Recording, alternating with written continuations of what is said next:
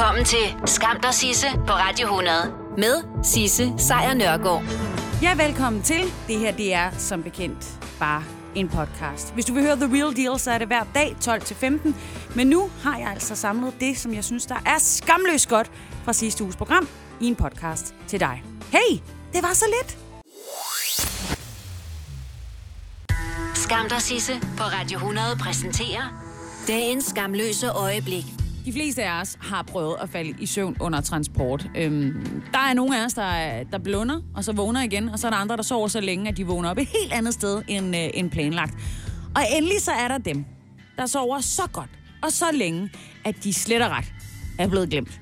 Og det er altså sket i, øh, i den her måned for en øh, kanadisk kvinde, og jeg kan mærke, at jeg synes, det er lidt morsomt, men det er det altså ikke for den her kvinde. Hun har nemlig været hårdt plaget af Marit, siden hun øh, den 9. juni oplevede øh, simpelthen at blive glemt på et fly. Hun øh, var afsted på en 90 minutters flyvetur fra, øh, med Air Canada fra Quebec til Toronto i, øh, i Canada. Og hun hedder Tiffany, og hun fortæller, at hun øh, simpelthen faldt i søvn undervejs. Så det er jo godt, dejligt. Halvanden time søvn, det kan man altid bruge til noget. Men da hun så vågnede, så opdagede hun, at hun var efterladt mutters alene i et mørkt, parkeret fly. Og der sad hun altså stadigvæk fastspændt i sikkerhedsbæltet i øh, sit sæde, og hundefrøs. Fordi der er koldt inde i et fly. Og der er også koldt i, øh, i Canada, til trods for, at det også er, er sommer der. Nå, Tiffany, hun har så fortalt om den her oplevelse på Facebook, og historien er også blevet bekræftet af Air Canada, som er ved at finde ud af lige nu, hvordan de kunne overse, at der stadigvæk var en passager med i flyet, da de altså låst og slukket. Ej, det er altså trist. Det er trist. Øhm, hun fortæller den her kvinde, at hun vågnede omkring midnat, hvilket var lige et par timer efter, at flyet var landet. Og så var der en lille smule strøm tilbage på hendes telefon, så hun kunne ringe til en veninde og sige, at hun var strandet i et mørkt fly. Men så røg strømmen på telefonen efter et minut samtale, og da flyet var slukket, så var der heller ikke nogen mulighed for at kunne lade den her telefon op. Så Tiffany, hun fandt i mellemtid en lommelygte i øh, cockpittet, så lyste hun rundt og forsøgte at tiltrække sig opmærksomhed udefra. Og så fik hun med meget besvær åbnet døren ud til, men der var alt for langt ned til, at hun kunne, øh, kunne springe. Så var det heldigvis, at der dukkede en bagagemedarbejder op, og kunne køre en stige hen til den her øh, stakkels kvinde, som altså stadigvæk var i flyet. Og han var ifølge Tiffany ret chokeret over, at sådan noget overhovedet kunne ske. Som et blaster på det her øh, åbne, øh, fossende sår, som det må være at blive efterladt i et fly. Øh, der fik hun efterfølgende tilbudt at blive transporteret til et hotel i en limousine. Der, der vil jeg næsten hellere glemme, glemme sit fly, end jeg vil køre i, i limousine. Men ikke det så mindre, så foretrak hun også selv bare at blive kørt hjem til trygge rammer, så hurtigt som muligt. Ikke noget med hotel og limousine, bare hjem. To gange har Air Canada så øh, ringet Tiffany op øh, for at finde ud af, hvad der er sket, og hun har modtaget mange undskyldninger. Men personligt så arbejder hun selvfølgelig mest på bare at komme sig over chokket. Hun stiger faktisk, at hun ikke har fået særlig meget søvn siden det her mareridt, og hun vågner op og er nervøs for, at hun er låst inde alene et mørkt sted. Ja. Og hvad kan man så egentlig lære af Tiffany's historie? Altså, man kan jo ikke undgå at falde i søvn. Men man kan måske huske at slukke sin telefon, når man øh, letter og, og lander. Primært fordi, altså kan man spare øh, på strøm, så man kan ringe op, når man har fundet ud af, at man er parkeret et eller andet sted langt pokker i Vold i Lufthavnen, og alle, alle har glemt dig. Så øh, sluk telefonen, når du flyver. Og øh, med den i baghovedet, der vil jeg gerne øh, være med til at tælle ned til det her. Ja. Åh, ja. Det er jo lige om lidt. Hele efteråret, der talte jeg jo ned til, øh, eller talte jeg ned til juleaften, og, øh, og ved du hvad? I dag, der er der 6 måneder helt præcis til, at du ligger enten vandret på sofaen, eller vandret i køkkenet, fordi der er det nemlig juleaften. Og det får mig altså tilbage til en kærkommen service, som jeg har, nemlig øh, sådan bliver du klar til jul. Og allerede nu, der er der faktisk en god ting lige at finde ud af, hvad der skal gives øh, til hvem øh, i gaver. Dels fordi der er udsalg lige nu, og dels fordi, altså har du ikke en kæmpe regning at skulle betale i december. Og så er der styr på det. Hvem vil ikke gerne have styr på det? Så køb, bestil, strik, form, skær, og så er det fikset. Og er du bange for, at det skal byttes, jamen øh, så må du bare øh, sige, at det kan de simpelthen ikke være bekendt. Og så må du græde, og så forlader du juleaften rigtig rigtig hurtigt. Eller sats på, at folk er rigtig fulde til jul. Allerede nu der kan du købe den vin, som du gerne vil servere, og så er det fikset. Køb den gode vin nu, men køb den billigere nu. Og stil den så på loftet og håb, at der er ingen, der indtager den det næste halve år. Det er også nu, du kan samle alle de her lækre krydderurter, som du har tænkt dig at bruge. Både de friske til maden, som du så pakker i poser og smider i fryseren, og så også dem, der skal bruges i snapse. For nej, ikke alle er til pose eller til kommen snaps, og du kan faktisk relativt simpelt samle alt muligt lækkert ud af skoven, på markerne i baghaven, og så proppe sprit på, og så har du altså forberedt snapsen i rigtig god tid. Og ingen, absolut ingen, siger nej tak til hjemmelavet snaps. Og så er det jo lige om lidt, at du skal begynde at forberede dine honningkager ved at røre honning og mel sammen. Det skal stå i et halvt år, så det passer egentlig meget godt. Og ja, endelig, så synes jeg bare, at jeg vil sige det allerede nu. Det kan godt virke øh, mærkeligt at skulle skrive julekort her i, øh, i juni måned, men hvis du gerne vil have sendt din julekort frem, og de skal være på adressen der, hvor de skal modtages, inden det bliver juleaften, jamen så vil jeg faktisk allerede nu lige så stille gå i gang. Sådan er det. Fordi vi ved det jo godt. Hvis ikke du skynder dig, så kan de umuligt nå at være fremme med PostNord, inden det altså bliver juleaften om 6 måneder. Skam Sisse, på Radio 100 præsenterer Skamløse fornøjelser. Fordi you are damned if you do, og du er også damned if you don't, og det er Taylor Swift. Hun er derudover også rigtig træt af BS, eller ikke BS Christiansen, som man måske kunne fristes til at tænke, men uh, simpelthen bullshit. Hun er i hvert fald træt af homofobi, og derfor har hun fået en lang række LGBT plus personligheder til at medvirke i hendes nye musikvideo, You Need to Calm Down. En, øh, en sang, som er en anti-homofobi-sang, og det er også hendes mest politiske sang til dato. Og det er ret nemt at sige, at det er den allermest politiske sang til dato, for Swifferen, hun har altså holdt sig for politik, i hvert fald i hendes musik. Og det har hun selvfølgelig fået kritik for, men nu er vi i år 2019, og i så fald du lige er vågnet op, velkommen til. Øh, og i den her farverige video, der har hun altså øh, simpelthen øh, gjort den politisk med at få en lang række kendiser, blandt andet øh, tv-talkshow-verden øh, øh, Ellen, så er der RuPaul, samt en række drag queens fra RuPaul's uh, Drag Race. Og der er de klædt ud som alle mulige skønne typer. Ariana Grande, Lady Gaga, Adele, Cardi B, Nicki Minaj, og selvfølgelig også med Taylor Swift selv. Og øh, videoen foregår så i en øh, trailerpark, hvor øh, Swift og de andre medvirkende, de fejrer et bryllup mellem to mænd og holder te-selskab, mens der, der bliver demonstreret på livet løs imod øh, homos, øh, homorettigheder. Øh, og det giver hun selvfølgelig ikke særlig meget for i den her sang, fordi hun er pro rettigheder til alle mennesker, som hun jo også synger i sangen, og slutter i øvrigt musikvideoen af øh, med, at man skal opfordre, eller man skal skrive under på en underskriftsindsamling online, så man kan gøre mere eller mindre, hvad man kan for at bevare de her menneskers rettigheder. Taylor Swift er altid mere eller mindre blevet kritiseret for ikke at tage politisk stilling i en tid, hvor øh, USA jo er mere splittet end nogensinde før. Og så får hun jo selvfølgelig også øh, ros derude for at tone rent flag, når det gælder om at støtte LGBT-rettigheder. Øh, selvom det i sig selv måske er lidt vildt, at kærlighed mellem det samme køn, eller at man har lyst til at være noget andet, end man er blevet født som, kan være et politisk emne. Ikke desto mindre, så bakker hun op Taylor Swift.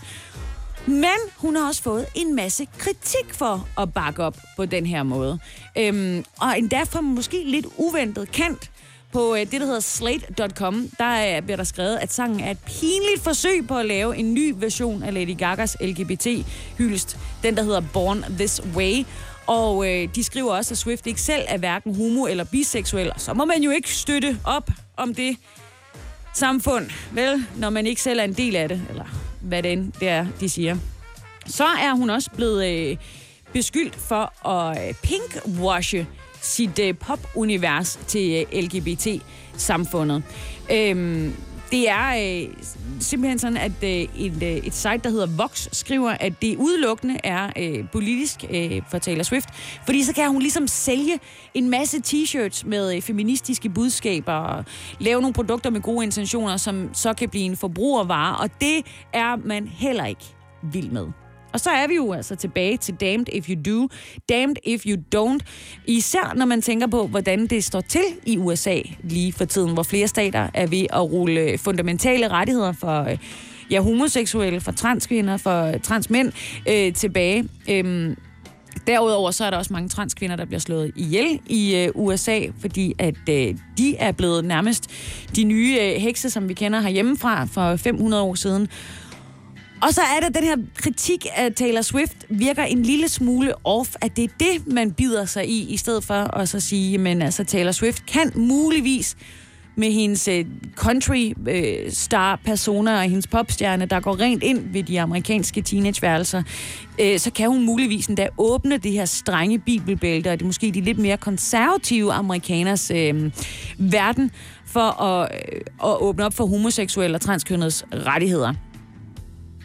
Men hey, hvis man kan få lov at kritisere en, der gør noget, så gør man da endelig det.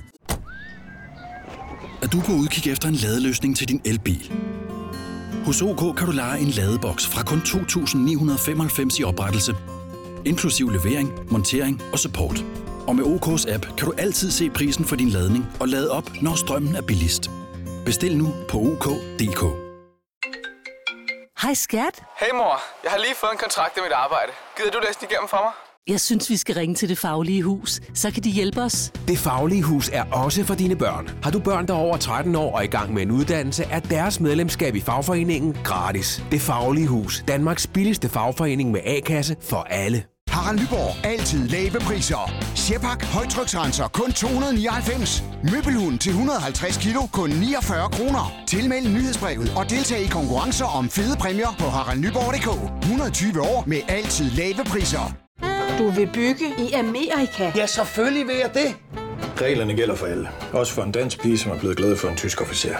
Udbrændt til kunstner. Det er jo sådan, at direktør Conradsen, han ser på mig. Jeg har altid set frem til min sommer. Gense alle dem, jeg kender. Badehotellet. Den sidste sæson. Stream nu på TV2 Play. Nå, men Sis, øh, hvordan går det så i Storbritannien, tænker du? Well... Uh, som det plejer, fristes man til at sige. Boris øh, Johnson, ham her, den øh, primære kandidat i de her dage til at overtage premierministerposten efter Theresa May, han, øh, han nægter fortsat at fortælle, hvorfor det var, at politiet dukkede op på hans adresse tidlig fredag morgen.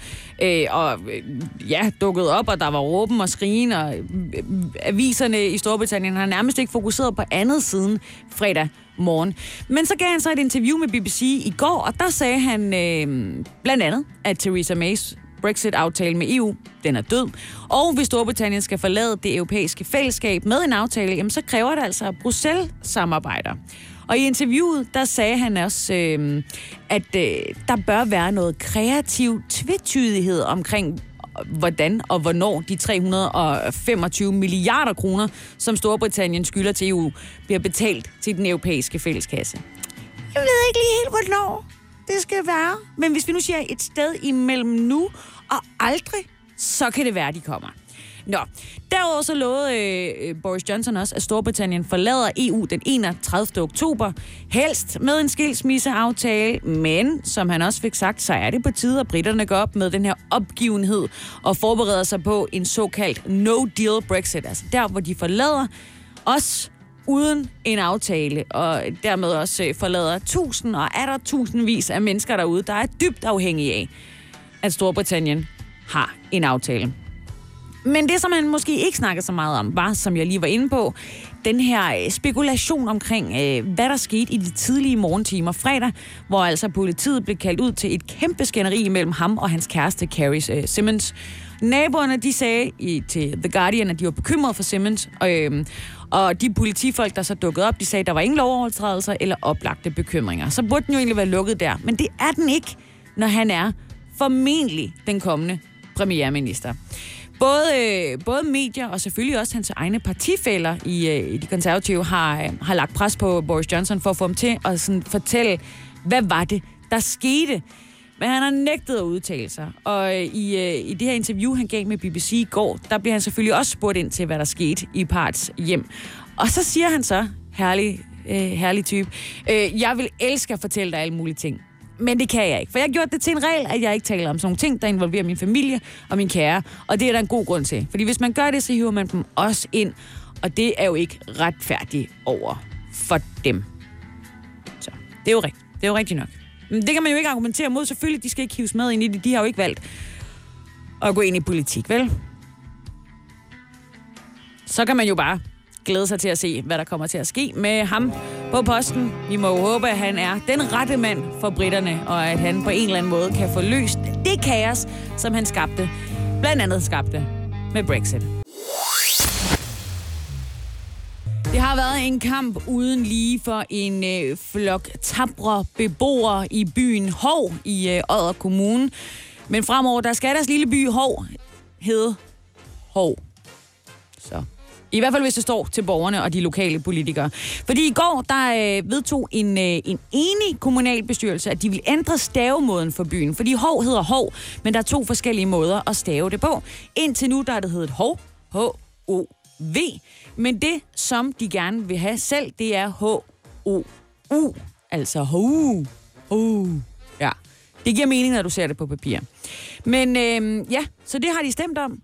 Og øh, dermed så har øh, kommunalbestyrelsens øh, øh, beslutning om at ændre stavemåden, den har også øh, reflekteret øh, beboerne i, i byen, fordi langt de største delen af de adspurgte borgere øh, vil have stavemåden lavet om fra at bruge det med V til at skrive det med U.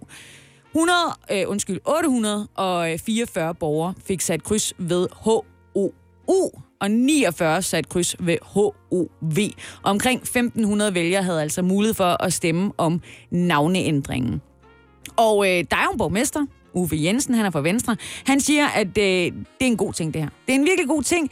Øh, det er en entydig tilgengivelse for borgerne i, øh, i Hov, og øh, det er noget, de i hvert fald bakker op om.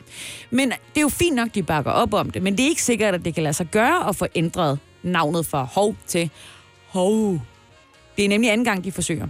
Øh, første gang, de øh, prøvede det, var tilbage i 1974, men der sagde Kulturministeriets øh, stednavneudvalg, at det ville de ikke give at være med til. Det var for dyrt, det var for besværligt, det var for forvirrende. Altså, hov, hov, det er jo lige meget.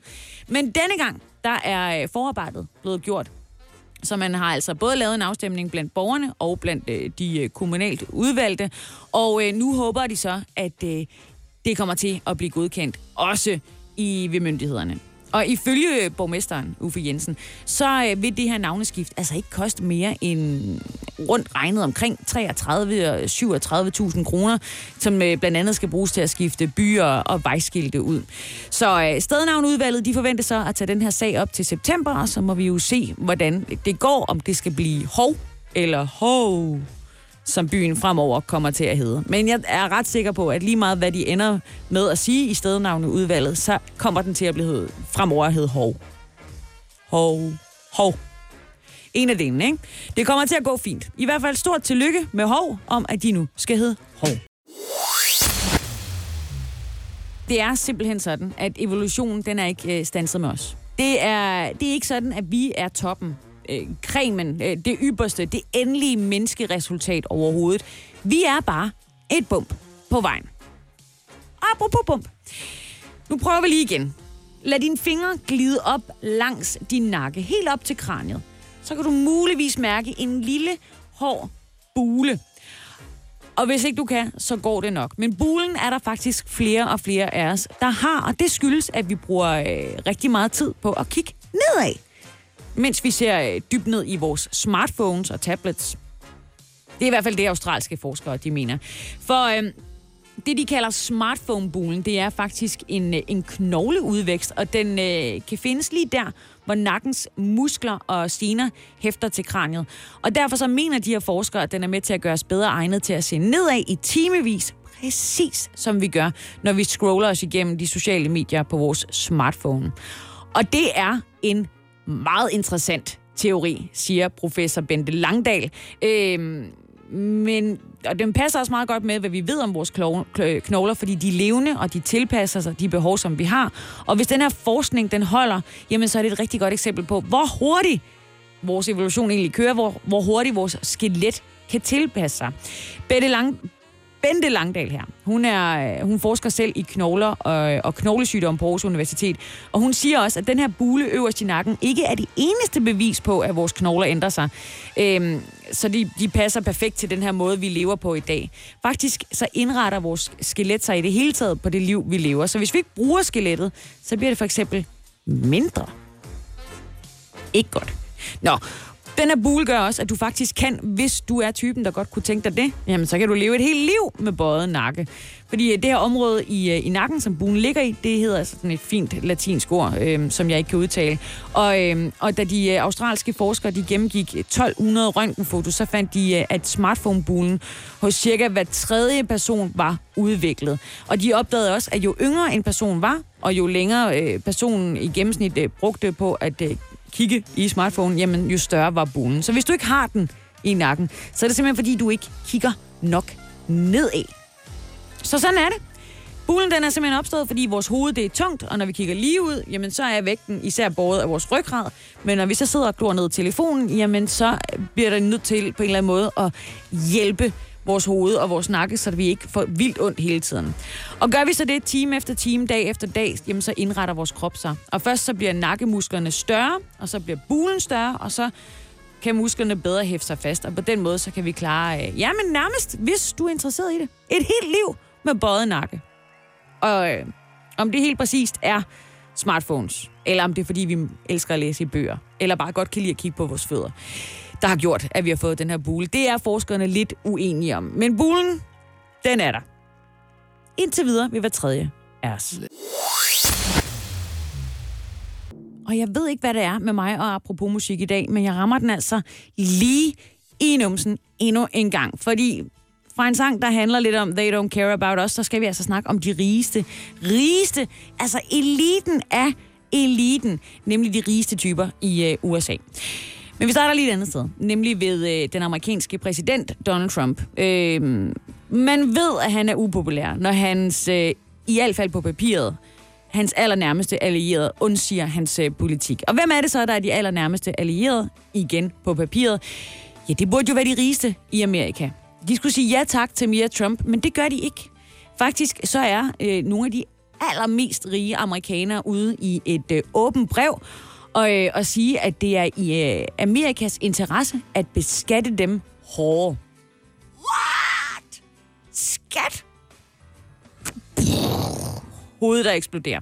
Altid.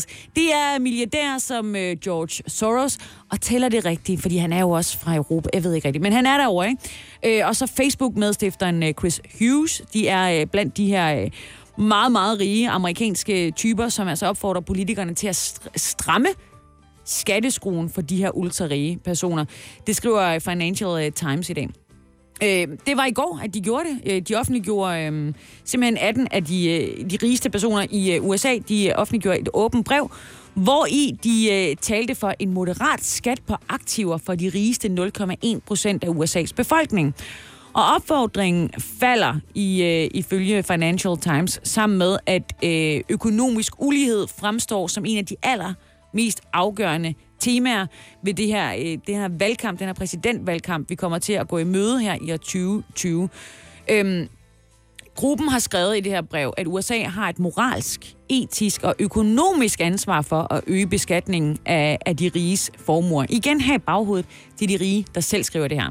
Øh, de skriver også, at en formueskat kan bidrage til at gøre noget ved klimakrisen, forbedre økonomien og styrke deres demokratiske frihed. Kæmpe. Det er kæmpe, det her. Øh, mens brevets forfatter her, de så ligesom har øh, understreget, at opfordringen ikke er politisk. De går ikke ud og siger, Trump dum, øh, Elizabeth Warren god. Så siger de dog, øh, at øh, jeg siger, de støtter i hvert fald en af, af de øh, skatteforslag, der er kommet fra Elizabeth Warren, og siger, at det er den her vej, man skal gå. Elizabeth Warren, hun er demokratisk øh, senator fra Massachusetts, Massachusetts svært ord. Øh, og hun håber selvfølgelig at blive nomineret som demokraternes præsidentkandidat her til 2020. Og hun har nemlig foreslået en ny skat for personer med formuer på 50 millioner dollars eller derover. Og ifølge Warren, der vil den her nye skat altså give en øh, årlig ekstra proveny på 275 milliarder dollars. Og det bakker de rigeste mennesker op om. Og som de også lige får skrevet i brevet til allersidst, I skal ikke bekymre jer om os. Vi skal nok klare os. Halsnæs Kommune har begået 100.000 mor. Intet mindre. I den ene ende af hundestedet, som altså ligger i Halsnæs Kommune, der har øh, kommunen været rigtig god. De har sået særlige blomster for at tiltrække bier og andre insekter, som man jo skal gøre i de her tider, hvor bierne forsvinder, insekterne forsvinder, og de er en vigtig del af vores økosystem. Så derfor så skal man gøre alt, hvad man kan for ligesom at sørge for, at de har steder at spise, steder at være og steder at formere sig. Så det har Halsnæs gjort i den ene del af Hundested. Men i den anden del af byen Hundested, der har kommunen simpelthen gjort kort proces, og så har de udryddet omkring 100.000 murbier. Kaching. Ja, det, er, øh, det skyldes, at en forælder på øh, Facebook havde slået alarm over, at der var mange biture på, øh, på vejen over for Hundested øh, skole. Og de her ture viser sig at være brug for et kæmpe samfund af de her såkaldte murbier. Murbier anses af eksperter for at være de fredeligste bier i byen. De stikker absolut kun, hvis de provokeres meget stærkt. Men det var der ikke rigtig lige mulighed for at bevise, fordi nu er de udryddet øh, Halsnæs Kommune var ude og sige, jamen de mente ikke, at der var noget andet valg. Men det giver lektor i insekter og honningbiers sundhed på Biovidenskabelig Fakultet på Københavns Universitet, Annette Brun Jensen, dem ikke ret i. Hun mener faktisk, at de lige skulle have set tiden an. Måske de har lavet en strategi med at oplyse og berolige, inden de slog 100.000 bier ihjel med gift.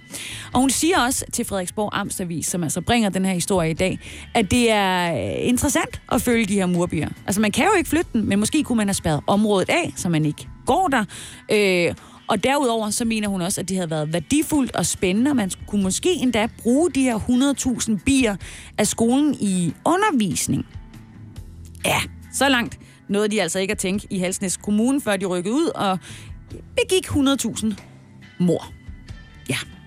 I øvrigt, så vidste Halsnæs Kommune heller ikke, da avisen spurgte, om der var nogen, der overhovedet var blevet stukket af de her bier, som nu er udryddet. Men øhm, nu får de da i hvert fald heller ikke mulighed for det. Så.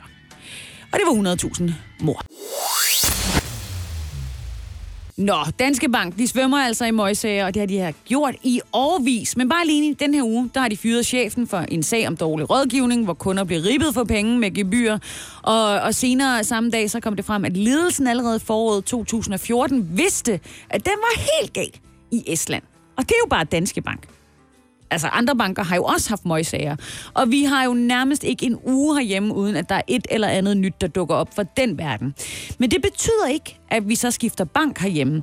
Danske Bank har kun mistet 37.000 kunder, hvilket svarer til 2 procent af kunderne herhjemme. Og i øh, P1 Morgen i dag, der havde de faktisk en forrygende gennemgang af, hvorfor det er, at vi ikke forlader vores bank, men også hvad vi kan gøre. Så her øh, får du altså Vagn Jelsø. Han er vicedirektør i Forbrugerrådet. Tænk om, hvorfor det kan være, at vi ikke skifter. Jeg tror, mange mennesker opfatter det som svært gennemskueligt øh, at skifte bank. Mange forestiller sig, at der er problemer knyttet til det. Øh, hvad sker der med mit realkreditlån, med mine forsikringer? Øh, får jeg al min betalingsservice med over? Ja, det kan vi faktisk slet ikke overskue, eller for den sags skyld gennemskue. Men det er sådan, i hvert fald ifølge P1, og hey, jeg har lige gjort det og kan underskrive på, at den er god nok. Altså, så ordner den nye bank det besværlige, og der kan også være gode penge at spare på netop at skifte sin bank ud. Men faktisk er det ikke kun på grund af pengene, at vi kigger på at skifte bank. Det kan altså også meget nemt handle om de her øh, møgsager. Ganske vist så går et stadig større antal danskere op i, om bankens moral eller etik også er i orden. Det er noget forholdsvis nyt. Vi har set øh, en undersøgelse, vi har lavet i Forbrugerrådet Tænk, at øh, det kommer ind på en top 5 over ting, folk lægger vægt på, når de skal vælge bank. Ja, en top 5 går vi altså op, øh, på top 5 der går vi op i, om øh, banken faktisk skal til at stole på og har social ansvarlighed. Det der, det var Vagn Jelsø fra Forbrugerrådet Tænk i øh, P1 Morgen, og P1 Morgen havde også fat i Sten Valentin fra CBS, som blandt andet arbejder med virksomheders øh, sociale ansvar. Tidligere tror jeg, det har været sådan, at det kun var de allermest dedikerede øh, kunder, som var parat til at stemme med fødderne, om man så må sige, når der var problemer med etikken i bankerne. Men man kan sige, det der er sket over de sidste 10 år, i hvert fald siden finanskrisen, det er jo, at folk har kunne se, hvor, hvor omfattende problemerne er. Danske Bank eksempelvis har ikke bestilt andet end spænde ben for sig selv imagemæssigt over en længere periode. Og når folk får en fornemmelse af, at problemer med uansvarlighed er meget omfattende og nærmest systemiske, så er det klart, så har det skabt en øget bevidsthed og fået flere til at indse, at øh, okay, jeg bør måske lige overveje, hvor jeg, hvor jeg har mine penge. Ja, overvej lige, hvor du har dine penge.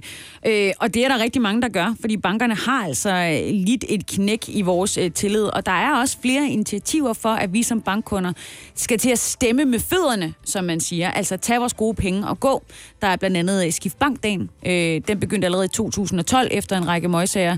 Øh, men det kan stadigvæk være svært at gennemskue, hvor man så skal tage sine gode penge og gå hen og ja, sin stemme, øh, om man vil. Så nu skal vi altså lige tilbage til, øh, til, til Vagn Jelsø, som jo er vicedirektør i øh, Forbrugerrådet Tænk. Så er det til gengæld svært, fordi vi har ikke i dag øh, et sted, hvor man kan gå ind og se, hvordan scorer banken i øh, den moralske karakter på. Ja, det gør, har man ikke. Man kan faktisk ikke se, hvad det er for nogle banker, der gør det godt. Altså, som ikke går ud og vasker pengene hvide. Som ikke snyder forbrugerne og øh, putter enormt mange øh, gebyrer på, så de selv kan tjene penge. Og som ikke øh, skider hul i det øh, samfund, de lever i. Det kan man ikke se nogen steder. Og derfor så vil Forbrugerrådet tænke nu sammen med øh, Oxfam Ibis, altså øh, øh, øh, gå i gang med at finde ud af, om de kan lave en slags rating-system, så du kan se, hvor du vil have dine penge henne. Altså, så det passer til din egen moral, din egen etik.